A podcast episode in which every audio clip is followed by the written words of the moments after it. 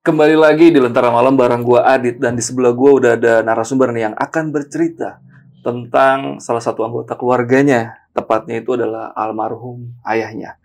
Ya, biar langsung aja deh kita sapa dulu aja narasumbernya di sebelah gua ada, ada Bang Rama. Bang Rama, Eh. apa kabar? Baik bang, alhamdulillah. Wah, nih lu mau ceritain tentang almarhum bokap ya? Iya, almarhum, almarhum bokap gua. Ini bokap lu meninggal di tahun berapa waktu itu, Bang? 2001, 2001. 2001.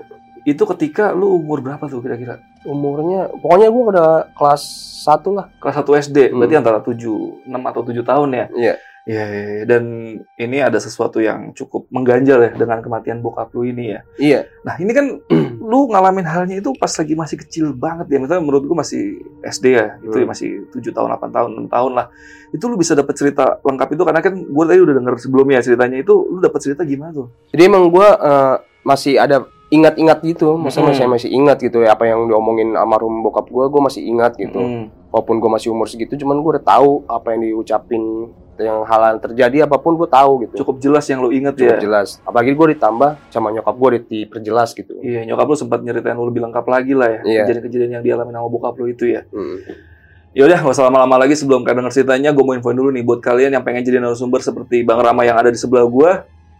Kalian bisa langsung aja DM ke Instagram Lentera Malam itu ada di lenteramalam.id dan jangan lupa juga mampir ke Spotify Lentera Malam karena di sana kita punya konten eksklusif yang nggak kita upload di YouTube-nya Lentera Malam.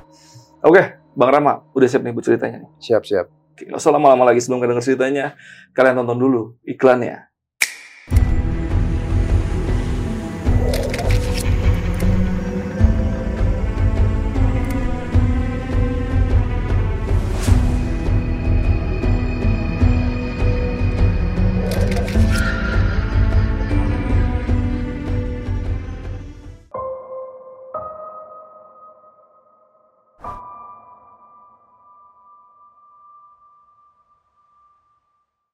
Jadi awal eh, bokap gue sebelum meninggal itu ada kejadian ketika dia mau pergi rekaman, rekaman lagu. Jadi kan kebetulan bokap gue ini penyanyi, bang. Hmm. Terus dia eh, rencana mau rekaman itu di Jawa dan akhirnya dia eh, memutuskan untuk pamit sama keluarga lah, sama nyokap, gua, abang gua dan kebetulan gua sama abang gua itu lagi di mesola. Itu malam takbiran kalau nggak salah Hmm. dan nyokap gua salaman sama bokap gua terus bokap gua mau jawab yang kata nyokap gua nih bang ya papa pergi dulu ya sama tinggal gitu. Terus sama tinggal terus gitu. Iya, iya. akhirnya nyamperin lah ke gua ke masalah itu. Gua posisinya lagi main beduk. Dan Karena itu lagi takbiran ya. malam takbiran. Gua main beduk bokap gua gua masih inget banget dia make eh, rompi leopard gitu kayak macan-macan gitu celana panjang. Terus bilang sama gua sama abang gua kalau dia mau rekaman lagu kira gue salim lah sama dia gitu kan sama abang gue juga salim bokap gue ini gue kirain di jalan lah gue nggak tahu kan gue eh, fokus sama anak-anak gitu lah ya. main Iya, kan, masih gitu. bocah lah ya. akhirnya bokap gue ini balik lagi ternyata ke rumah lagi Balik ke rumah lagi. balik ke rumah lagi jadi kan posisinya tuh gang gue itu lurus blok kanan itu ada musola jadi kayak udah nyampe musola udah mau ke jalan raya terus kayak balik lagi ke rumah gua gitu bilang mak mak gue lagi "Eh, mah a- papa pergi lagi ya gitu sama tinggal gitu kok bolak balik terus sih pak kata gitu makin bingung nyokap gua kan Kata-katanya ada yang aneh lagi ya. iya kok mak- kenapa harus bilang sama tinggal kayak mau ke mana aja kan gitu Iya. iya. Iya, sambil ketawa-tawa. Eh, yaudah maaf kata gitu. Akhirnya bokap cabut lagi dan itu sampai berapa kali kata nyokap gua. Dia cerita sama gua begitu. Akhirnya eh, eh, bokap gua berangkat lah ke daerah Jawa itu. Gua nggak tahu Jawanya di mana gitu karena masih Mm-mm. kecil gua nggak ngurusin kan. Malam makin malam makin malam takbiran pas subuh kalau nggak salah setengah lima apa jam empat gitu. Ngetok-ngetok dah saudara gua depan rumah gua nih. Dia ngetok-ngetok nung katanya manggil nyokap gitu kan. Ada yang meninggal kata gitu. Nung buka. Eh, assalamualaikum gitu buka lah nih. Dan itu keadaan juga gue bangun bang. Gue bangun dan itu ada abang gua yang kedua terus dulu masih ada pembantu gitu. Zaman zaman dulu kan pembantu masih suka nginep kan. Akhirnya siapa yang meninggal? Itu ada saudara di kampung kata gitu. Di mana? Kata gitu. Itu di Cengkareng kayak gitu. Siapa ya? Kata nyokap gitu. Dan akhirnya gue siap-siap bang. Gue siap-siap nyokap gue siap-siap. Itu subuh tuh gue masih nggak ngurusin mandi dan lain-lain lah. Gue udah udahlah ikut aja kan naik mobil carry. Gue nggak salah gue ya masih ingat mobil carry itu gue naik mobil carry berangkat perjalanan. Gue siap perjalanan tuh gue nyok bilang sama nyokap gue mah itu siapa sih yang meninggal? Gue gitu. Dan gue masih ingat bang gue ngomong gitu tuh gue masih ingat gitu. Mm-mm. Gak tahu mama juga bingung nih siapa yang meninggal gitu mama juga nggak dikasih tahu gitu kan. Terus akhirnya gue gue makin bingung kan siapa yang meninggal ya? Perasaan cengkaring gak tahu kan gue siapa ini kan. Mm-mm. perjalanan makin tegang makin tegang. Pas gue nyampe kan nyokap gue emang kebetulan kan penyanyi juga. Mm-mm. dia pakai hak tinggi salahnya. Dan pas gue turun dari mobil eh, carry itu sama nyokap gue sama abang gue sama saudara gue juga yang nyupirin juga kan. Mak gue dipegangin tiba-tiba sama warga-warga. Mak gue dipegangin kanan kiri tangan kiri dipegangin gitu. Gue nggak tahu nih mak gue dipegangin kata mak gue kenapa saya dipegangin? kata gitu. Posisinya tuh eh, saya baik-baik aja maksudnya nggak kenapa-napa ngapain dipegangin gitu. Enggak nyonya takutnya jatuh soalnya pakai hak tinggi kata gitu. Saya pegangin aja gitu, gitu kan. Nyokap nyanyi kan dulu kan. Pakai hak tinggi saya pegangin aja gitu. Udah nggak apa-apa udah saya pegangin gitu Panggil jalan Eh, itu posisinya gue yang masih inget gue masih pegangin tangan mak gue tuh Mm-mm. gue sebelah kiri abang gue di sebelah kanan dan kiranya gue jalan-jalan nyokap gue pengen ngomong ini siapa yang meninggal sih kata gitu udah ke situ aja dulu jalan-jalan Masih belum jalan dikasih tahu nih. ya? belum dikasih tau bang gue makin bingung nih dan itu gue juga udah punya perasaan perasaan aneh dan masih kecil itu gue udah punya perasaan aneh itu udah mulai kenal perasaan Ada aneh nggak gitu. beres nih kayaknya. Eh, gitu. ada nggak beres itu. Terus akhirnya gue berjalan-berjalan, gue makin rame, makin rame. Tiba-tiba di posisi situ, pas orang-orang disuruh minggir nih, maksudnya minggir, tiba-tiba ada ambulan. Ada ambulan, posisi ambulan dan ini bokap gue nih udah di atas kayak kursi yang eh apa ya, yang tiduran itu tuh. Iya iya iya. Dia udah mau dinaikin tuh, mau dinaikin ke dalam ambulan. Iya. Dan posisi bokap gue udah di kain kafan bang. Dan itu posisi ada sofa kayak gini juga, gue inget banget warna abu-abu. Dan ambulannya di sini. Dan akhirnya gue duduk nih sempat duduk. Bilang, ya Allah, kok papa kan, kok bisa meninggal? Mak gue langsung histeris di situ bang. Nah, gue punya emak gue punya pemikiran kalau ini kenapa nih pada eh, suami saya ini nggak kenapa-napa, nggak Baik-baik aja baik-baik tadi. aja, nggak sakit nggak apa kan gitu. Akhirnya diperiksa nih kan pengen tahu nih apa ada luka atau apa kan karena keluarga kita nggak ada yang tahu nih Mhm. yang tahu kan dokter apa siapa gitu kan pas dibuka di belakangnya ada ceplakan tangan bocah bang Siapa? dua Anak kecil. iya warna biru ada dua gitu di sini gua nggak ngerti dah itu maksudnya apa gitu tangan bocah itu kayak orang pakai belau gitu di Iya gitu iya iya. iya. abis itu nyokap gua posisinya langsung histeris gue duduk di sofa gue nangis diri sama bang gue nangis nangis nangis terus nyokap gue jedut-jedut tembok Jedut-jedutin kepala. iya kepala di Shock rumah. dia belum Shock. terima gitu. nggak terima nangis nangis nangis nangis duduk duduk berdarah berdarah palanya nyokap gua pingsan kan gua masih ingat eh, dibilang sabar ya sabar ya gini gini gini terus bokap gua tiba-tiba gua nggak tahu kenapa langsung dimasukin aja bang ke mobil Hmm. ambulan itu Iya. dinaikin udah nih harus harus dibawa nih ke kuburan terus gua nggak tahu nih bu dibawa ke mana gitu maksudnya dan kadang nyokap gua udah bingung nih Mhm. nyokap gua pingsan kan Iya. akhirnya dibawalah ke masuk ke rumah posisi rumah yang Di Cengkareng itu? Cengkareng itu jadi itu rumah saudara bokap Oh. itu iya. ternyata di rumah saudara bokap akhirnya nyokap eh, rada siangan nyokap udah sadar berapa jam kemudian dah kalau nggak salah tahun gue pagi kan di situ. Iya, udah Jadi siang udah, ya. siang lah ada ada jam 10-an jam 11-an tiba-tiba nyokap bangun papa ke mana? gitu. Suami saya dibawa ke mana? gitu, gitu. Udah lagi perjalanan apa namanya Bu Nunung kata gitu. Udah di perjalanan perjalanan mana? kata gitu. Lagi dibawa ke Jawa. Kok tanpa persetujuan saya? maksudnya gitu. Kok Iya, iya. tanpa tujuan saya gitu? Dan gue juga bingung bang kok gue keluarganya loh gitu. Main bawa-bawa aja. yang bawa bawa aja katanya tuh dibawa sama saudaranya. Dan akhirnya posisinya tuh udah dibawa tapi dari ada sebagian bok- eh, keluarganya dari bokap gua nih ngasih alamat ternyata Hmm. kertas gitu nih apa no katanya ini alamatnya kalau mau nyusul ke sana nanti nyusul tapi tunggu kesehatan aja nggak Iya. apa-apa udah biarin kita yang ngurus-ngurus kata gitu Hmm.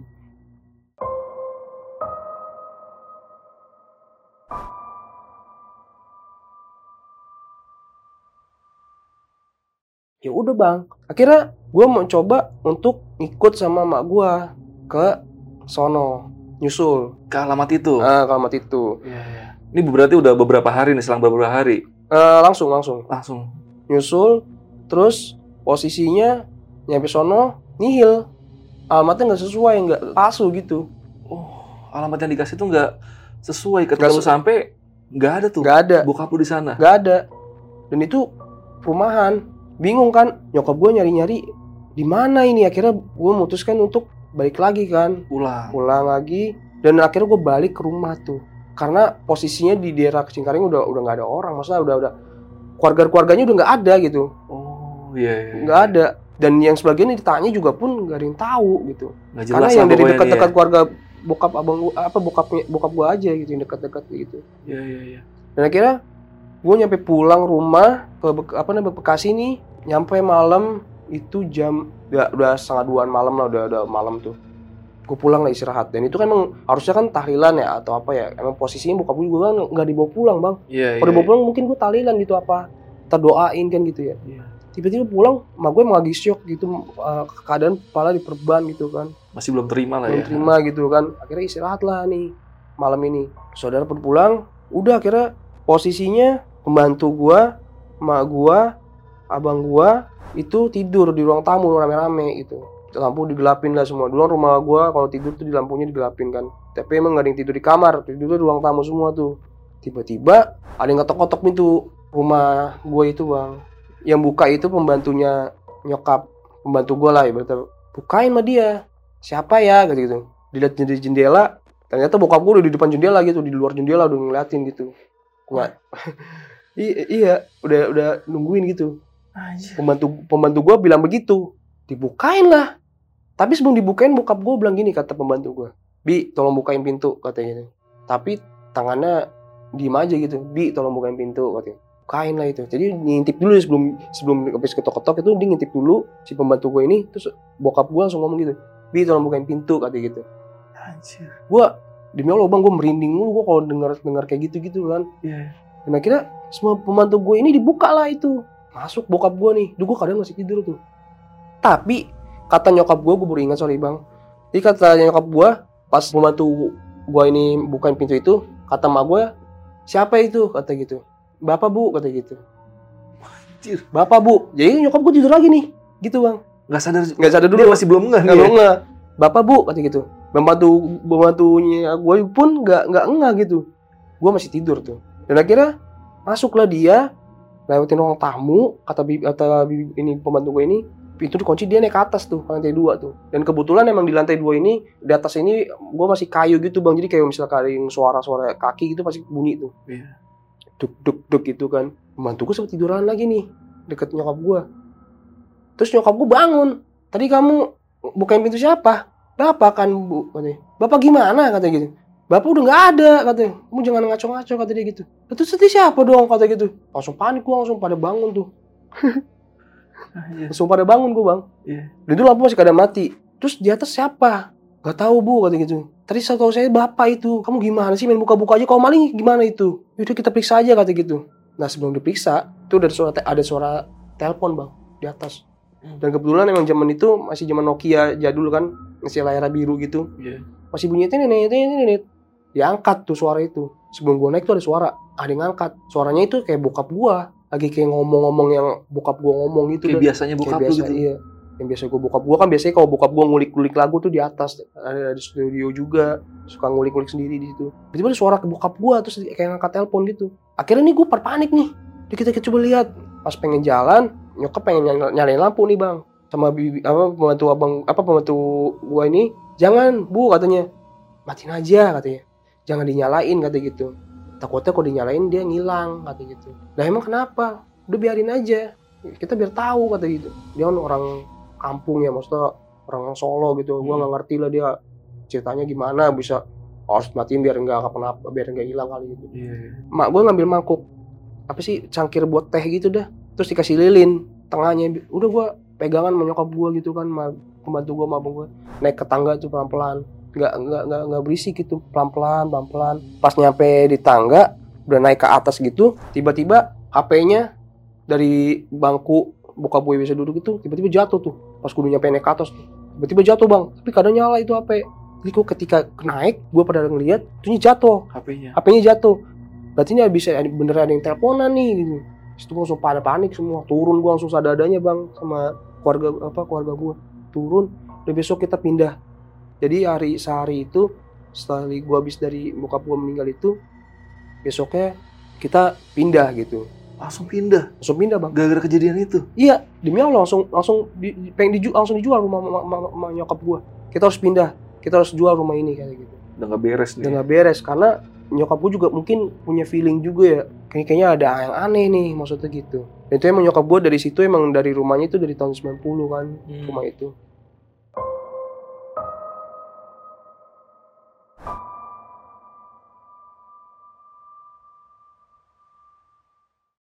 dan akhirnya mutusin untuk paginya buka tenda biru udah kira ngadain nggak ada ngadain kayak orang kayak meninggal gitu Mm, mm, mm.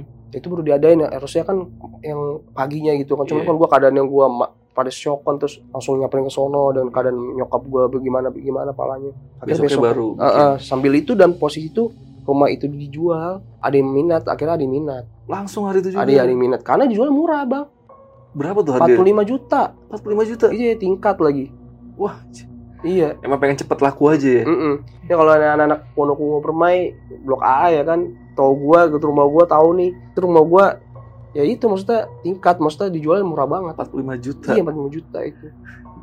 Mungkin kalau sekarang ya udah ratusan juta ya kan. Iya. Dan gua nggak ada pikiran, mak gua nggak ada pikiran nyesel nggak nih jual rumah ini gitu. Pikirnya cuma pengen cepet-cepet pergi dari rumah ini Iya, aja. ya, pengen karena ada nggak beres nih. Ah, gitu. ah, udah beres terus mungkin juga mau move on juga nyokap kan mungkin bisa mungkinan. Akhirnya dijual ke orang Medan bang, orang Medan. Terus gue pindah ke daerah nggak jauh dari situ juga, gue beda blok aja kan itu blok AA, Mm, gue blok NN. Gue pindah lah blok NN selama bertahun-tahun. Tapi nyokap gue kadang-kadang suka singgah ke rumah gue yang dulu, maksudnya ke gangnya nih ke teman-temannya gitu kan, suka mampir. Cuman nggak sering banget jadi suka mampir. Ngomong lah ini siapa ya sekarang yang ini gimana nih yang ngontrak apa yang Yang ngontrak yang, nempatin. yang menempatin ini gimana nih? Maksudnya aman gak? Kemarin dia pada berantem gitu. Jadi yang yang beli rumah gue ini bang, dia berantem mulu, cekcok mulu nih keluarga ini. Oh. cekcok cekcok hampir setiap hari teriak-teriak teriak-teriak nggak jelas gitu kan. Akhirnya sekian lama berapa tahun aja dua tahun kemudian rumah itu dijual. Dijual lagi ke orang katanya sih katanya orang Palembang ya kata temen gua gitu emaknya yang ngomong gitu. Dijual orang Palembang dan akhirnya orang Palembang ini sama halnya kejadian gitu juga tuh cekcok cekcok cekcok juga Rumahnya jadi nggak tentram gitu ya. nggak tentram dan itu posisi rumah itu masih masih po- kondisi masih dengan kayak gitu rumah gue itu kayak Belum dulu. direnov belum apa-apa. belum apa-apa catnya juga masih kayak gitu Ya. belum belum diapa-apain terus anehnya lagi dijual lagi tuh itu nggak nggak nggak ada yang bertahan sampai dua tahun tiga tahun nggak ada bang. Cepet gitu ya. cepet tiba-tiba dijual lagi. Jadi kata nyokap gua itu tuh sering banget dijual sama rumah kata mamanya Rudi tuh kata gitu. Emang emang ya? Iya katanya banyak masalah. Nggak tahu mama juga bingung kan kenapa di rumah ya? Padahal sebelum sebelumnya pas papa masih ada aman-aman aja kan. Mm, mm, mm. Nah terus gue di situ langsung dapat info gitu bang dari apa namanya eh, tetangga-tetangga gue itu.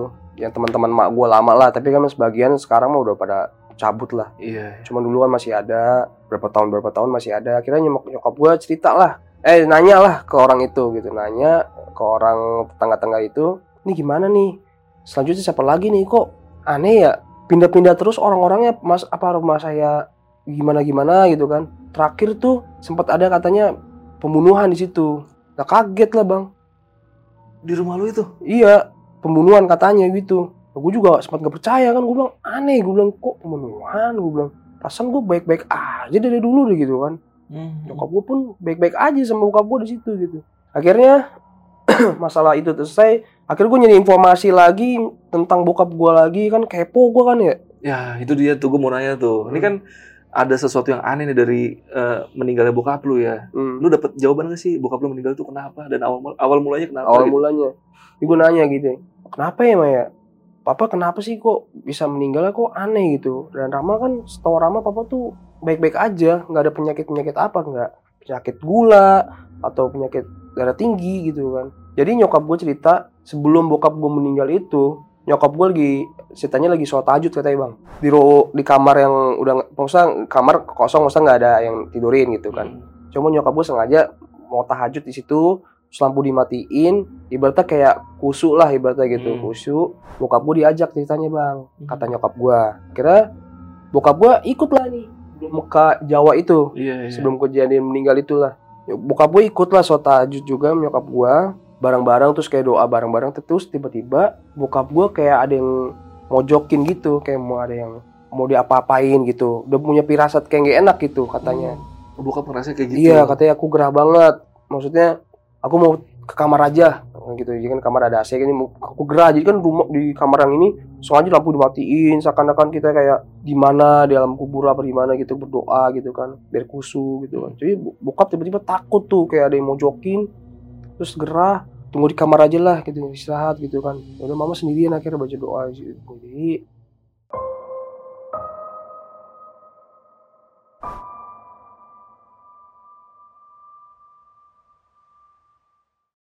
selang berapa hari sampai hal itu berangkat ke Jawa Jawa itu ngomong lah nyokap. Itu juga kan gara-gara papa itu selalu ini Rama selalu bilang mama tuh sama tinggalmu cium tangan mama mulu gitu kan terus cium-cium pipinya kan kayak seakan-akan pergi jauh lama banget gitu. Hmm. Papa, Pak Mali nggak boleh begitu kata gitu. Kok aneh pada cuma ke Jawa doang tuh juga pulang kan besok kan gitu di situ kayak gue nanya lagi emang papa ngap di Jawa itu ngapain sih Mam? maksudnya ngerekaman kan? Rekaman lagu? Iya rekaman lagu. Nah mama tuh sempat marah kata kata gitu. Marah kenapa mah gue papa soalnya judul lagunya tuh ngeri ngeri kata gitu. Ini ngeri ngeri lagunya bang. Yang mau direkam di Jawa itu. iya. Kayak apa tuh judulnya tuh? judulnya itu pertama lagu pertamanya itu pergi selamanya. Terus yang keduanya tak mungkin ku kembali. Wah anjir. itu dia jadi langsung dua itu lagu itu Dari lagu aja udah tanda-tanda ya. Nah, tahu kalau lagu lainnya udah banyak cuman dua ini yang ngeri nih. Iya iya iya. terus nyokap marah sama papa nih kan. Pas papa posisinya udah berangkat nih ke Jawa itu mama nelpon "Eh, papa emang bikin lagu judulnya apaan? kayak gitu. Dan namanya belum ada WA WA itu kan telepon Iya. masih telepon. Ya, papa judulnya yang satu pergi selamanya sama tak mungkin ku kembali kata gitu. Tapi dia sambil ketawa-tawa gitu. Tapi nyokap nih marah. Kenapa lagunya gitu? Nggak kenapa nggak nggak ada yang lain apa? Emang siapa yang Iya. nyiptain sih? Kamu kata gitu. Enggak ini dari bos aku kata gitu. Dia nyiptain gitu. Aku suruh bawain lagu ini kata gitu. Iya. mana coba? Aku mau mau ngobrol sama dia kamu gimana? Kata gitu. kok judulnya begitu ngeri amat kata gitu. Ya ini kan cuma judul lagu doang kata gitu. Hmm. ya cuman jangan kayak gitu. Kayak orang-orang mau pergi bener-bener pergi kan gitu. Iya, iya. udah akhirnya ya namanya udah di lobby lobby gitu kan udah akhirnya udah mama ya udahlah gitu kan Iya, iya. nggak lama papa udah meninggal ini udah pas udah dia selesai dibawa kuburan ke sono ke Jawa terus nyokap udah pulih akhirnya nyari nelpon itu lagi tuh bosnya nyari nomor teleponnya bosnya soalnya yang tahu nomor telepon bosnya tuh cuma papa doang gitu Hmm. mama kan nggak megang nomor pap, apa orang itu bos Iya itu iya iya. nyari tahu nyari tahu nyari tahu akhirnya dapet nih ditelepon lah gua nggak tahu namanya lupa gitu bang namanya kamu ini ya apa namanya produ- produser eh, suami saya gini gini gini. Iya betul. Eh, ini siapa? Ini saya istrinya gitu. Kenapa eh, kamu kok jahat banget bikin lagu begitu sampai bener-bener kan suami saya meninggal Akhirnya gitu? meninggal gitu. Tadi dulu apa namanya bu katanya. Saya juga bingung nih posisinya. Saya tuh padahal ngasih dia air minum air putih doang gitu. Terus tiba-tiba terus dia ngerokok terus dia tiba-tiba joprak. Jatuh Oh, dari dia, bangku. ny- dia nyeritain kronologinya nih. jadi katanya di sini ada meja terus bangku papa minta air putih terus sambil nyalain rokok super tuh tiba-tiba habis minum minum air putih joprak dia Hmm. meninggal. Nah di situ mama mengiranya karena wah mungkin nih bosnya nih yang ngeracunin gitu kan. Racunin gitu. Ternyata pas disedikit-sedikin lagi ternyata itu bukan sama bosnya. Akhirnya mencari tahu lagi, cari tahu lagi sekian tahun sekian tahun. Ternyata bokap gue ini diguna-gunain sama saudaranya sendiri Waduh, gitu. itu dapat cerita dari mana? Dapat jawaban itu dari mana? Gak tahu gue nyokap gue, gue gak begitu detail banget cuma nyokap gue katanya itu emang mungkin nyokap gue kan banyak kenal-kenalan teman-teman yang maksudnya yang paham-paham tentang tentang kayak gitu dulu kan namanya dulu kan Iya, tapi iya, nyokap iya. gue alhamdulillahnya pas sudah 2000 2007-an udah hijrah lah udah pakai kerudung Hmm. udah udah udah sari gitu kan udah gak nyanyi-nyanyi Iya. udah hijrah lah pokoknya lah cuman masih jahiliannya ya gitu maksudnya ini ada orang yang jahilin gitu dan itu Iya. saudaranya sendiri Oh iya, iya. Lu berarti agak lupa gimana sampai ketemu jawaban itu, tapi lu inget nyokap lu pernah ngomong bokap lu itu dijalin sama Saudaranya saudaranya sendiri. Iya. Anjir. itu dekat katanya sudah dekat Saudara deket. Iya.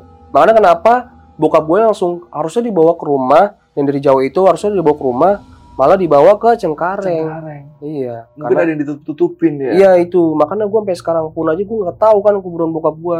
Iya, iya. Ke sana pun aja alamatnya palsu. Iya, iya, itu tuh gue baru baru ingat tuh. Jadi Wah ini berkaitan banget ya. Yang Hmm. ibaratnya nyokap lu pas dikasih alamat itu alamatnya nggak ketemu pas Gak ketemu sama saudaranya dia. Berarti kan ada sesuatu nih sama keluarga bokap lu ya? Iya. Ini yang pas di, di sini lagi emang dari keluarga bokap eh, bokap gue ini dia pada nggak seneng sama bokap gue kata gitu. Oh, Mm-mm. wah anjir. Ya gue nggak tahu dah. Nggak senengnya kenapa tuh lu tahu nggak jawabannya? Itu kan mungkin yang bokap gue waktu itu masih jaya-jayanya bang. Ekonominya, Ah, dari ekonomi ekonominya bagus gitu. bagus terus nyokap gue beli rumah pernah di mana di kayak di Kerawang gitu Heeh. kan. Pokoknya job job terus lah bokap gue gitu. Iya, Dan iya. apalagi emak gue dulu kan masih zaman-zaman dulunya kan masih cakep lah gitu kan Iya, ibarat iya. primadona lah gitu. Dan di YouTube YouTube kan emak gue juga ada gitu. Oh dari nyokap, ada lu di ada. YouTube. Kalau mau cari apa tuh? Ada namanya Nunung Suntara. Nunung Suntara. Iya, dan Oke. itu itu cari aja tuh nyokapnya si Rama nih. itu itu Almarhum ya. penyanyi emang nyokap gue emang penyanyi dangdut sih maksudnya emang settingan sama Umi Elvi Sukaisi makanya sama Umi Elvi Sukaisi Ratu Dangdut itu CS dia Sangkatan itu ya. angkatan sama Aji Oma terus Iya, kayak iya. Arafik Iya, Dan tadi ada lu sempat nyinggung sedikit bahwa bokap lu dulu zaman dulu juga deket sama hal-hal mistis juga ya.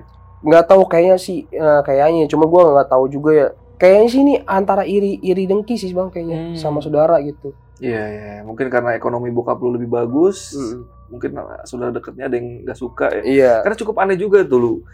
Meninggal bukan dibawa ke keluarganya, Iya. malah dibawa ke keluarga, Iya. maksudnya ke keluarga utamanya gitu, bukan Mm. ke lu yang istri dan anaknya Iya, gitu. dan posisinya emang itu gue bukan rekayasa ya, emang posisinya itu nggak langsung dibawa ke rumah dan itu tetangga-tetangga gue bahkan nanti siapa pun yang teman-teman gue nih yang teman kecil gue yang nonton Mm-mm. yang tetangga gue pasti tahu bokap gue tuh nggak nggak dibawa ke rumah langsung dibawanya ke Cengkareng anehnya gitu Iya. Nggak mampir sama sekali ke rumah lu ya. kagak demi Allah bang Tanpa persetujuan nyokap lu juga. iya makanya nyokap gue histeris dan gue makanya pas ketika gue nyampe di Cengkareng itu mau- nyokap gue langsung dipegangin tangan kiri apa kanan kiri tuh terus kenapa saya dipegangin gitu ini nyokap enggak apa namanya nyok, apa Bu Nunung ini soal pakai hak tinggi gitu kan takut jatuh gitu jalannya kan. Gue pegangan ya sama nyokap gue pas ini siapa sih mah yang meninggal? Kan masih bocah kan. Mm-mm. siapa sih meninggal? Nggak tahu mama juga bingung gitu. Pas lihat-lihat orang-orang orang tuh itu gue masih sadar bang. Itu orang-orang tuh gue kayak ngeliat minggir-minggir gue pengen kayak gitu minggir siapa sih siapa sih? gitu kan.